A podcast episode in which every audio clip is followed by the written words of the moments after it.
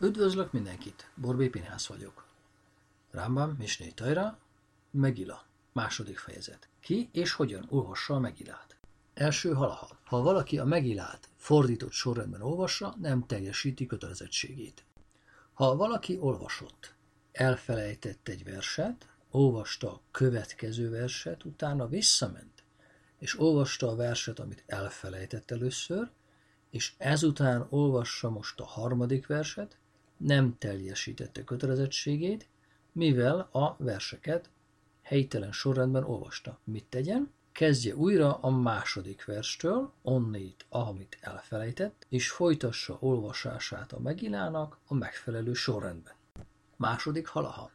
Ha valaki rábukkanna egy közösségre, amelyik már elolvasta a Megilla első felét, nem mondja, hogy elolvasom a Megilla második felét együtt ezzel a közösséggel, utána visszatérek és olvasom az első felét. Ez volna pontosan a fordított sorrendben történő olvasás. Ehelyett olvassa a Megilát teljes egészében elejétől a végéig. Ha valaki elolvasott egy részt a Megilából, utána szünetet tart, visszatér és folytatja az olvasást, mivel a megfelelő sorrendben olvasott, teljesíti ezzel kötelezettségét, még ha az egész megillát el lehetett volna olvasni a szünet időtartama alatt. Harmadik halaha. Ha valaki a megillát fejből úgymond olvassa, nem teljesíti kötelezettségét. Egy más nyelvű, vagyis nem héber ember, aki hallja a héberül írt megilát héberül felolvasva, teljesíti kötelezettségét, jól lehet, nem érti, amit hall. Hasonlóképpen, ha a megila görögül lett írva, aki azt hallja, még ha héber is, teljesíti kötelezettségét, még akkor is, ha ő nem érti a görögöt. Negyedik halaha.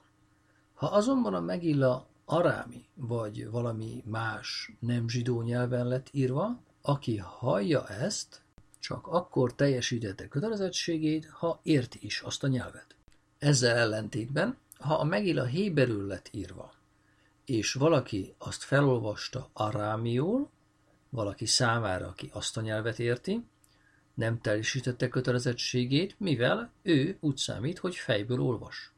És mivel az olvasó nem teljesítette a kötelezettségét, ebből következőleg az őt hallgató ember sem. Ötödik halaha. Ha valaki olvasta a megilát a szükséges szándék nélkül, nem teljesíti kötelezettségét. Ha írta a megilát, magyarázta azt, vagy ellenőrizte azt, ha szándékában állt, hogy ezzel az olvasással teljesítse a kötelezettségét, az megtörtént. De ha ez nem volt szándékában, akkor nem teljesítette a kötelezettségét.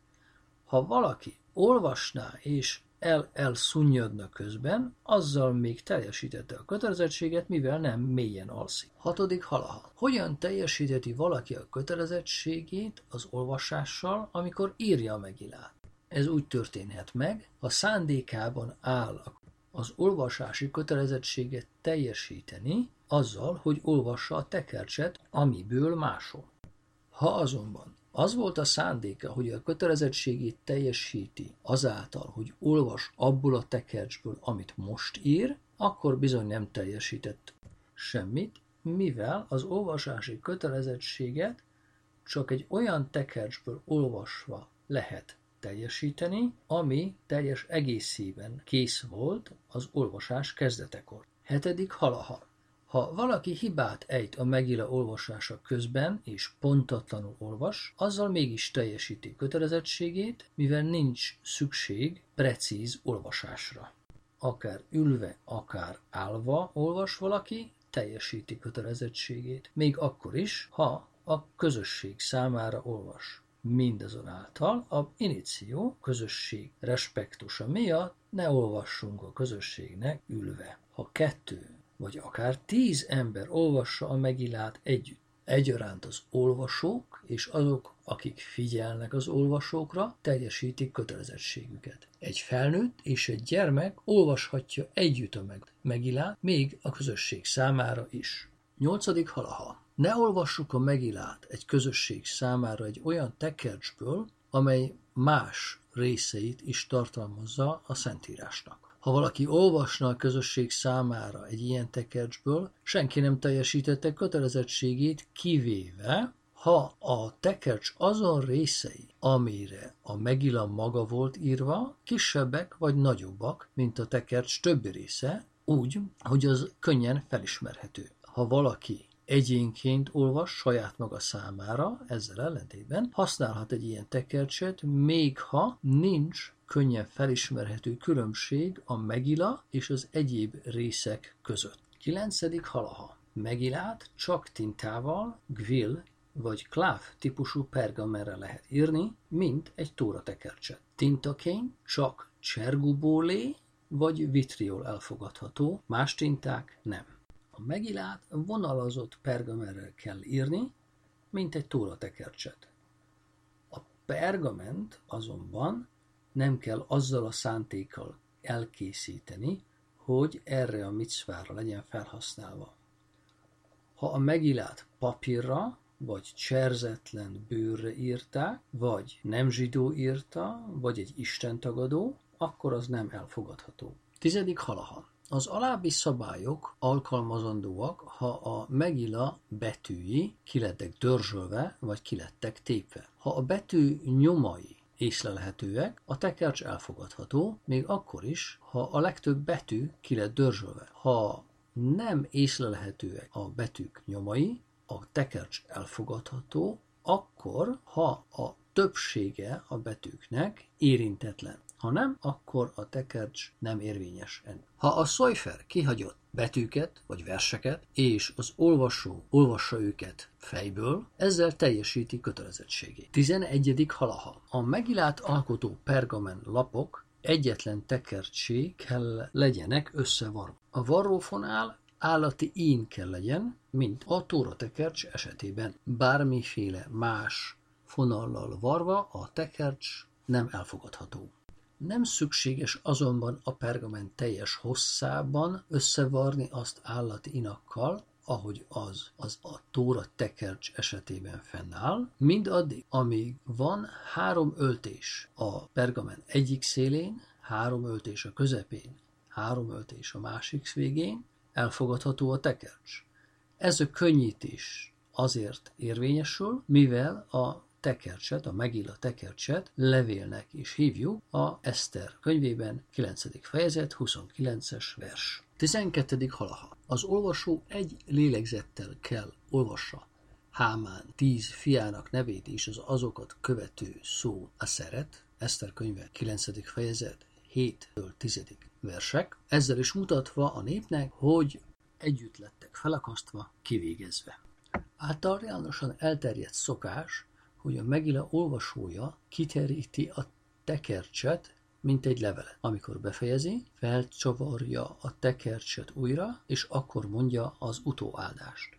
13. halaha. Ezen a két napon, Áder 14-én és 15-én tilos böjtölni és gyászbeszédet tartani. Ez a tilalom érvényes mindenkire, mindenhol, a városfallal rendelkező városok lakóira, akik a, csak a 15-én ünnepelnek, és a városfal nélküli települések lakóira, akik csak a 14. napon ünnepelnek. Szökő évben tilos a gyászbeszéd és a böjtölés, ezen a két napon az első és a második Ádár hónapban is amikor a falvak lakói korábban olvassák a megilát a hétfőn vagy csütörtökön Purim előtt, számukra megengedett a gyászbeszéd és a böjtölés azon a napon, amikor a megilát olvassák, és tilos a gyászbeszéd és a böjtölés ezen a két specifikus dátumon, még akkor is, ha nem olvassák a megilát ezeken a napokon.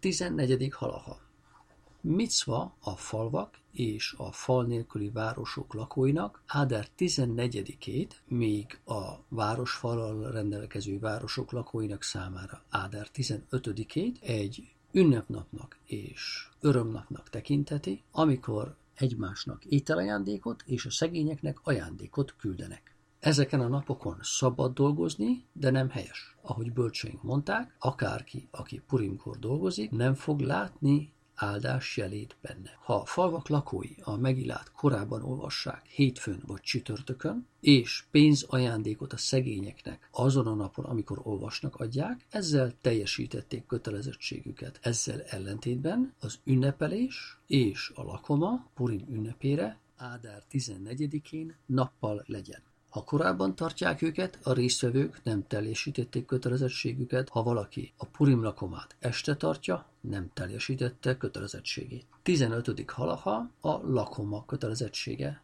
Egyen húst és készítsen össze egy olyan lakomát, amit csak megengedhet magának. Igyon bort, amíg részeg nem lesz, és elalszik. Hasonlóképpen kötelezve vagyunk arra, hogy küldjünk két adag húst, vagy két adag más főt ételt, vagy két porció más ételt egy barátunk számára, ahogy azt Eszter megilálja, 9. fejezet 22. vers mondja, küldjetek étek fogásokat egymásnak, ami azt jelenti két porciót egy barátunknak. Dicséretre méltó több barátunknak küldeni porciókat. Ha valakinek nincs elég pénze, hogy étek ajándékot küldjön barátjának, akkor cseréljenek porciókat egymással. Egyik küldi a másiknak, amit Purim lakomára elkészítettek, ezáltal teljesíték a micvát, hogy élelmiszer ajándékot küldtek barátjuknak. 16. halaha. Kötelezettség Purim napján cedokét adni szegényeknek. Minimum két szegénynek, fejenként egy ajándékot, akár pénzt, ételt, bármiféle ételt. Ahogy azt Eszter megilálja, 9. fejezet 22. vers mondja, ajándék a szegényeknek, vagyis két ajándék, két szegény embernek. Ne legyünk válogatósak ezen Purim ajándék kiadásakor, bárki kinyújtja a kezét érte, adjuk neki. Purimi kiosztásra adott cedóka nem használható más cedóka célra. 17. halaha. Jobb, ha valaki többet költ a szegényeknek szánt adományaira, mint a Purim lakomára, vagy a barátainak küldött ajándékokra, mivel nincs nagyobb és szebb öröm, mint boldoggá tenni a szegényeket, árvákat, özvegyeket és betérteket. Aki megörvendezteti ezen szerencsétlenek szívét, hasonlatos a Sehinához, ahogy Jesája 57. fejezet 15-ös vers mondja, megéleszti az elnyomottak és összetört szívűek lelkét. 18. halaha. A messiási korban az összes proféták és írások elvesztik érvényüket, kivéve Eszter könyvét. Az továbbra is érvényes marad, ahogy a Tóra öt könyve és a szóbeli tan törvényei, melyek soha nem lesznek semmisé téve. A népünk által elviselt összes nehézség semmivé válik, ahogy Jesája 65. fejezet 16-os vers mondja, mivel a korábbi nehézségek el lesznek felejtve, el lesznek rejtve szememből.